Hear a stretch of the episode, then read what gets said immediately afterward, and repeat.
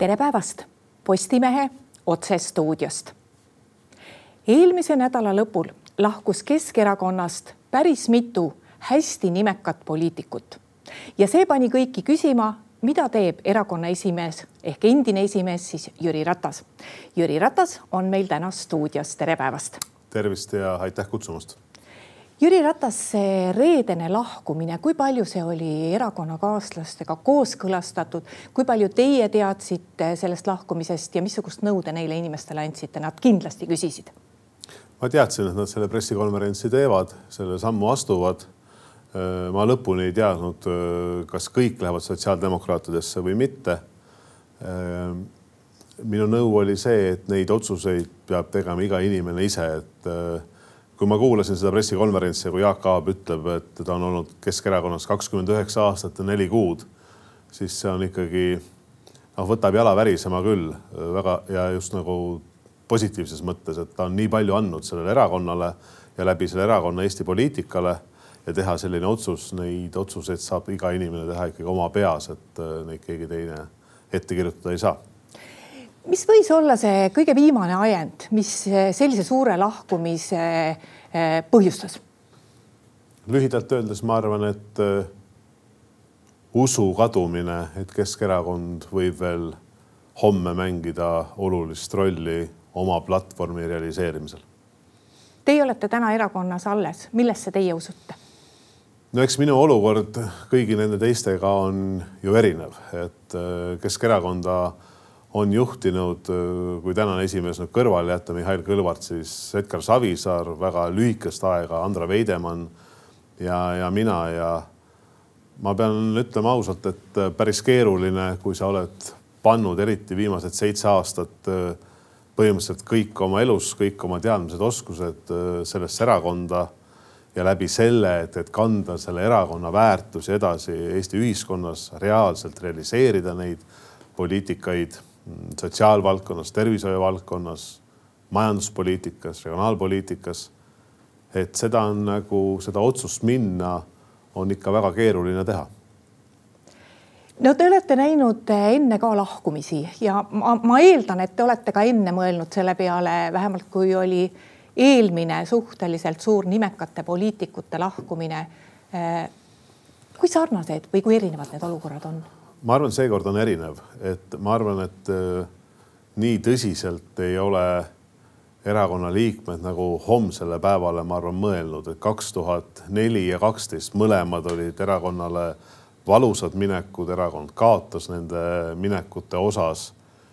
aga seal oli alati usk, et, et me suudame nagu homme selle vankri uuesti tee peale tõmmata ja, ja edasi minna et kindlasti, kuidas öelda, et on kokkuvõttes ju seda erakonna poliitikat teevad ju inimesed ja, ja minu jaoks on olnud nendel mõlemal korral kõrval ühelt poolt minu isa, keda enam ei ole, ja teiselt poolt Kadri Simson, et kes täna on oma tööde ja toimetamistega väga tugevasti Euroopa Komisjonis hõivatud, nii et, nii et ma arvan, et seekord on see erakonna tuleviku mõttes palju keerulisem, palju raskem. Mis teid lähipäevadel ees ootavad, et äh, ma saan aru, et see otsus ei ole sündinud, aga samamoodi ei ole sündinud otsus jääda, ei ole kumbagi otsust praegu olemas. lühidalt kokkuvõttes see nii on, sellepärast et mu soov on tõesti erakonna kaaslastega kohtuda, et kui sa oled selles erakonnas kakskümmend kolm aastat, siis äh, kui ma vaatan ka nagu Kadri vist kirjutas oma kommentaaris, et kui ma võrdlen enda staaži selles erakonnas ja mitte ainult staaži, vaid ka seda sisu, mis ma olen andnud sellele erakonnale platvormide koostamisega tänase juhtkonnaga, siis seda on noh, palju-palju rohkem. et on, on ju liikmed, kellega ma olen koos võidelnud, kellega me oleme koos uskunud ma ei tea, solidaarsesse tervishoiusüsteemi, me oleme koos uskunud sellesse, et Eestimaal on vaja panustada regionaalsesse poliitikasse, et see ei ole lihtsalt üks keeruline sõna või sõnakõlks, vaid inimeste elud, kodud, töökohad, avalik võim saab siin kaasa aidata. majanduspoliitika, et, et Eesti majandus ei langeks, et inimestel töökohad oleks, et et, et selge on see, et ma tahan päris paljudega lähinädalatel kohtuda ja ja ma olen öelnud välja, et minu soov ei ole Eesti poliitikast ära minna, ma tahan Eesti poliitikas olla aktiivselt edasi see aasta on tulemas Euroopa Parlamendi valimised, need on kindlasti poliitiku jaoks, kes tahab poliitikas olla olulised. ma arvan, et minu kogemus on öö, suur öö, kandidaatide hulgas, aga ühte ma ütlen ka, et, et ma ei kujuta ette, et ma sellises väärtusruumis, kui, kui ühelt poolt kaitsepolitsei on nagu riigivastase tegelase siit riigist välja saatnud ja siis Yana Toom teda toetab, et, et ma ei näe, et me ühes nimekirjas saaksime kandideerida. Kas te olete viimastel päevadel ka erakonna juhi Mihhail Kõlvartiga rääkinud? ei, meil ei ole olnud vestlusi, ma arvan, juba üle noh, üle pooleteist kuu või midagi sinnakanti. Kõlvart ei ole praegu üldse huvi tundnud, mida teie edasi teete? Neid vestlusi ei ole olnud jah kuidas need kohtumised erakonnakaaslastega teil välja näevad, et on, no ma saan aru, et teil on palju sõpru erakonnas. Ma saan aru, on palju inimesi, kes tegelikult tahavad kuulda seda, mida teie mõtlete. aga kuidas taolised kohtumised välja näevad? ühelt poolt ma usun, et kõik, kes me siis selle, selles ruumis või laua taga oleme, me saame aru, et, et ega need väärtused ja platvorm, mida Keskerakond kannab jätkuvalt, et need on ju ülitugevad, et ma olen valmis debateerima kõikide erakondadega ja, ja ma julgen öelda, et majanduspoliitikas, regionaalpoliitikas, tervishoiupoliitikas, sotsiaalpoliitikas, et ma arvan, Keskerakonnale nagu on konkurente, aga ma siiralt usun, et see platvorm ongi parim. nüüd probleem on selles, et kas see erakond, kes on, töötab ühtse meeskonnana ja kas inimestel, kes selles erakonnas on täna veel järgi jäänud. ma sain just siia tulles uudise, et, et üks asutajaliige on, on välja astunud. kes see on? No neid inimesed peavad ise kommenteerima, et, et need on nagu sellised nagu uudised, mis eriti kui erakonna asutajaliikmed iga päevaga või iga aastaga tahes-tahtmata jääb vähemaks, siis äh, ma olen alati pidanud väga lugu nendest, kes Keskerakonna lõid, sest see, see telg, mis sündis peale rahvarinnet, eks ju, sellel baasil see sai loodud, et ta kõnetaks Eestimaad, et ta kõnetaks erinevaid keelegruppe, et see on jätkuvalt, ma arvan, väga oluline. Nii et need vestlused ühelt poolt, ma arvan, me platvormi üle ei debateeri, et eks see arvamus ole see, et mida, kas nähakse tulevikku Keskerakonnas või, või ei nähta seda tulevikku no Keskerakonna fraktsioon Riigikogus on nüüd jäänud kohe poole väiksemaks, ehk siis, et mis fraktsioonis edasi saab, teil ei ole ju täna fraktsiooni juhtigi. jah, et äh, ma saan aru, et plaan on see, et neljapäeval siis äh, fraktsioonile esimees valida. et täna mulle tundus nagu, et, et kuna Lauri Laats ei, ei, teda täna ei olnud, et, et siis soovitakse, et kogu fraktsioon oleks seitsmeliikmelisena koos. et keskfraktsioon jah ei ole vist väga kaua enam nii väike olnud kui üldse. ja mm, see tähendab, see tähendab seda, et kui sul on alla kümne liikme, siis kõikides alatistes komisjonides enam erakonnana sa tegelikult selle sisupoliitikat kaasa rääkida ei saa, sest Riigikogu kord on see, et, et äh, üks Riigikogu liige saab kuuluda ühte alatisse komisjoni. no meil on üksteist alatist komisjoni Riigikogus, üks on nendest Euroopa Liidu asjade komisjon, kuhu saab ka topelt kuuluda, aga, aga ülejäänud siis jäävad katmata kes võiks saada erakonna fraktsiooni juhiks Riigikogus? no ma öö, ei oska seda küll prognoosida, et tavaliselt erakonna juhatus on teinud selle ettepaneku, et öö, täna on kaks aseesimeest, Andrei Korobeinik ja Vadim Belobrovtsev, et et võib-olla siis nendest üks. E, no Korobeiniku e, poliitiku kogemus Riigikogu tasandil ja suures poliitikas on kahtlemata suurem. Aga teine asi on see, et äh, kui palju mängib äh, siin erakonna juhi sõna, noh, vaatamata sellele, et Mihhail Kõlvart Riigikogu liige ei ole. Kindlasti mängib, et, et loomulikult mängib ja kui mõelda korraks seitsmele liikmele, siis äh, tuleb ju ausalt öelda, et kes fraktsiooni liikmed on ka erakonna jaoks ikkagi väga noh, kuidas öelda, uued tegelased, et Lauri Laats, Vadim Belobrovtsev, Anastasia Kovalenko-Kõlvart, nad on üle tulnud sotsiaaldemokraatidest, kes vähem kui aasta tagasi, mõned siis natukene pikemalt, Andrei Korobeinik Reformierakonnast ja nii Tšaplõgin kui Jegrafov on ikkagi väga uued liikmed. nii et eks, eks selles mõttes see, kuidas öelda, see keskfraktsiooni nagu tunnetus on üsna puudulik, kui mõelda nagu eelnevatele koosseisudele tagasi selle üle, missugusesse erakonda te võiksite astuda, juhul kui te lahkute, on väga palju spekuleeritud ja eelmisel nädalal oli meil siin stuudios ka politoloog Tõnis Leht, kes ütles, et äh, mina küll ütlesin, et mina ei usu, et Jüri Ratas äh, Keskerakonnast lahkub, tema ütles, et tema ei imestaks, kui Jüri Ratas kandideerib Euroopa Parlamendi valimistel hoopis näiteks Isamaa nimekirjas. ma ei tea, kummal meist õigus võiks olla. ma vastasin teile ju mõned küsimused tagasi, et ma ei ole mingit otsust täna teinud, et, et ma ei kohtu ju suusoojaks oma erakonnakaaslastega, et, et ma tõsiselt soovin nendega arutleda nende väärtuste ja selle väärtusruumi osas, et kui ma ütlesin, et ma ei näe võimalust Yana Toomiga ühes nimekirjas kandideerida, siis on põhimõtteliselt kolm teed, kas ei kandideeri üldse, kandideerid üksikkandidaadina või kandideerid mõnes, mõnes erakonnas siis noh, ma arvan seda, et, et, et ei kandideeri üldse, et, et seda soovi mul ei ole, nagu ma ütlesin, ma soovin poliitikas kaasa rääkida ja ma arvan seda kogemust, mis on eelnevatelt töökohtadelt ja ka poliitikas, et seda saab ka rakendada Euroopa Parlamendis, nii et seda valikut ma täna teile öelda ei oska, aga, aga nagu ma olen öelnud, et lähinädalad peaksid selle selguse tooma.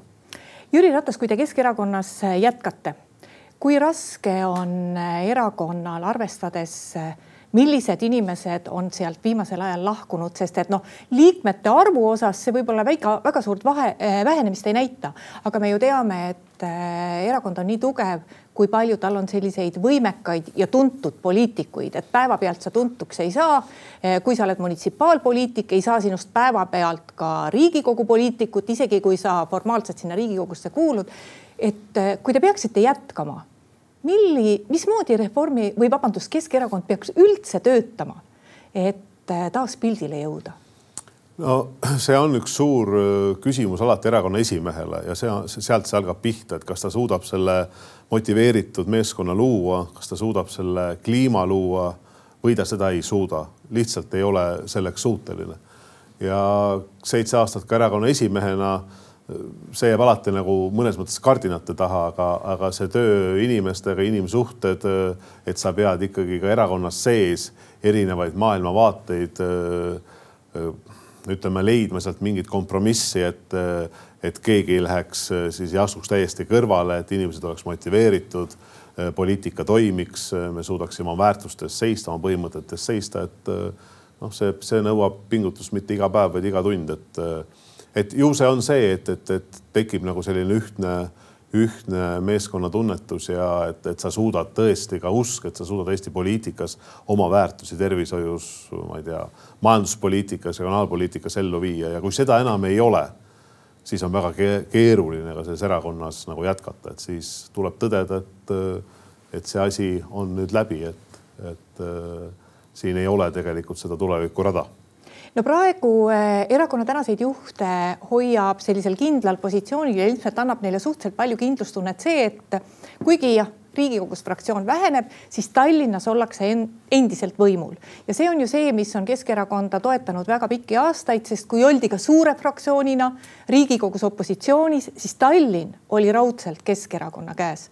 Praegu on järgmiste kohalike omavalitsuste valimisteni, noh, on ikkagi päris palju aega aga see aeg ei ole ka lõputu. Kas te praegu mõtlete natuke kahtlevalt sellele, et eh, Keskerakond võib pärast järgmisi kohalike omavalitsuste valimisi kaotada ka positsiooni Tallinnas? no Keskerakonna kõigepealt see võrdlus, mis te tõite, et Keskerakond oli opositsioonis ja Tallinnas me olime võimul. Te räägite ajast, kui Tallinna linnapea oli Edgar Savisaar.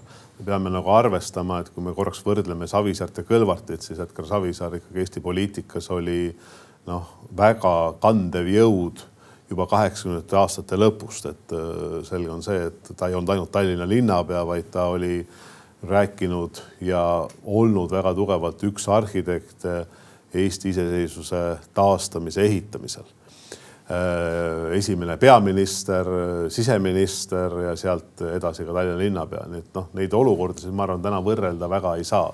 tõsi, toona oli ka fraktsioon, kus oli seal kakskümmend kuus liiget.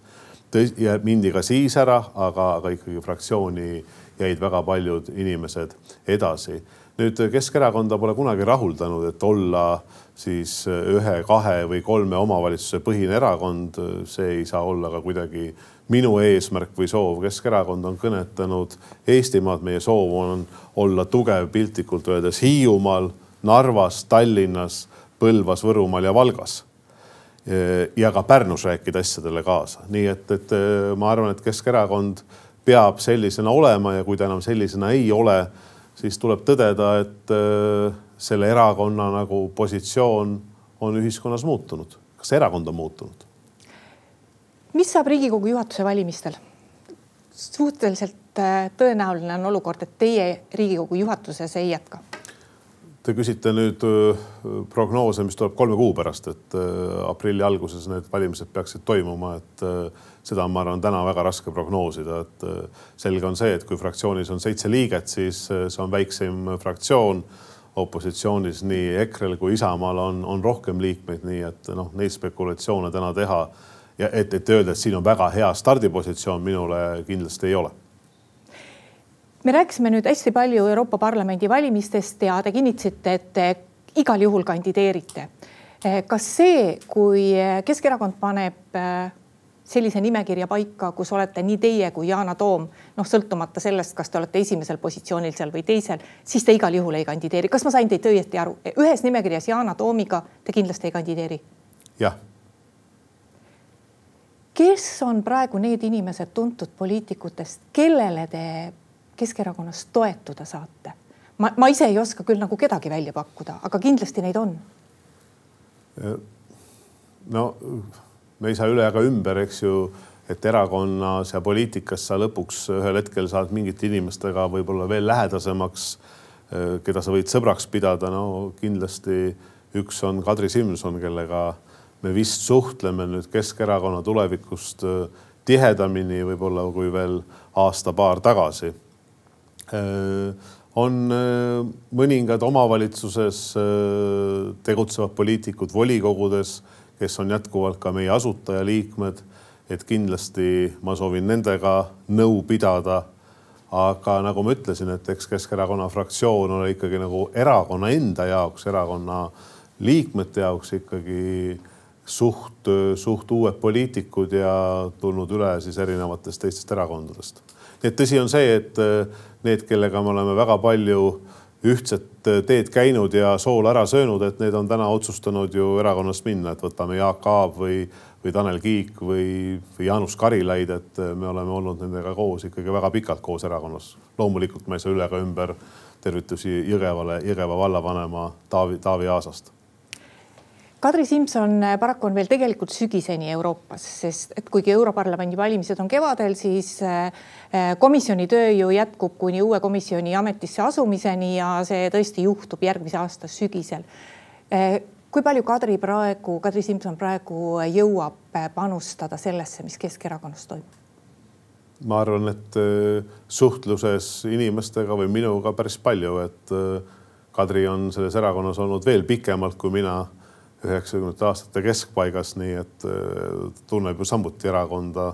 ta on Pärnumaal äh, kandideerinud, saanud seal mitmeid kordi valitud Riigikogusse väga tugeva mandaadi, nii et, äh, et eks tal ole sama mure, mis minul, et, et tegelikult see protsess ei ala, ei saanud ju alguse kümnendal septembril eelmine aasta, kui oli erakonna kongress Paides.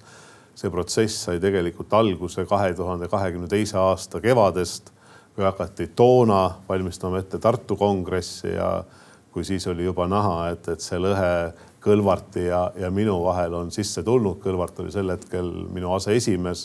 me olime töötanud minu meelest päris hästi koos, kusagil seal viis pool, kuus aastat, et, et see oli see, see koht, kus äh, ma, ma nägin, et tegelikult äh, tema soov on midagi muud ja, ja, ja noh, sealt oli näha, et ta ei tööta enam ühtse meeskonnana no üks asi on konfliktid erakonnas, teine asi on, mis asju ajab erakond Eesti poliitmaastikul ja noh, selle kohta arvatakse palju, arvatakse väga erinevaid asju, arvatakse ka väga ekstreemseid asju. noh, on ka neid, kes ütlevad lausa, et Keskerakond uue juhtimise ajal ajab Kremli poliitikat. on neid, kes ütlevad, et Keskerakond ajab siinse vene, venekeelse elanikkonna poliitikaid ja, ja töötab vastu eestikeelsele kooliharidusele üleminekul. mis poliitikat siiski Mihhail Kõlvarti juhtimisel Keskerakond praegu ajab? no seda peate küsima tema käest ja kutsuma siia Postimehe stuudiosse, et et ma arvan jätkuvalt, et kuna me ei ole oma programme või platvormi muutnud, eks ju, siis äh, ega mingit muud poliitikat ei saa ajada.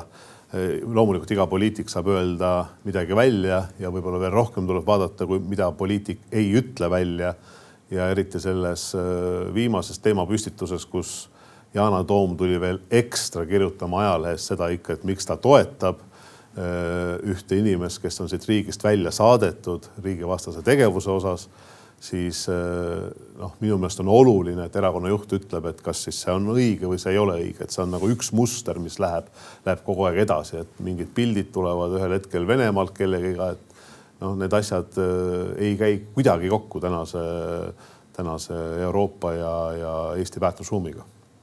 Ja lõpetuseks, Jüri Ratas, millal te oma otsuse teete, sest eh, kui te teete otsuse jääda, siis ootab teid tõenäoliselt ees väga suur töö aga millal see võiks juhtuda? no tööd ma ei ole kunagi kartnud, nii et äh, selle taha see asi ei jää, et küsimus on ikkagi selles, et et kas äh, erakonna liikmetel on usk sellesse homsesse, et erakond taas äh, tõmmata tee peale ja edasi minna või seda usku ei ole. ja, ja see on minu kohtumiste peamine eesmärk. kui ma ütlesin paar nädalat, siis paar nädalat on kaks nädalat ja eks selle jaanuarikuu jooksul, siis selle kahe-kolme nädala jooksul see otsus peab sündima. aitäh, Jüri Ratas, tulemast saatesse. aitäh kutsumast. ja aitäh ka kõigile neile, kes meid vaatasid. Postimehe järgmine otsesaade on eetris juba homme. seniks lugege uudiseid postimees.ee. thank you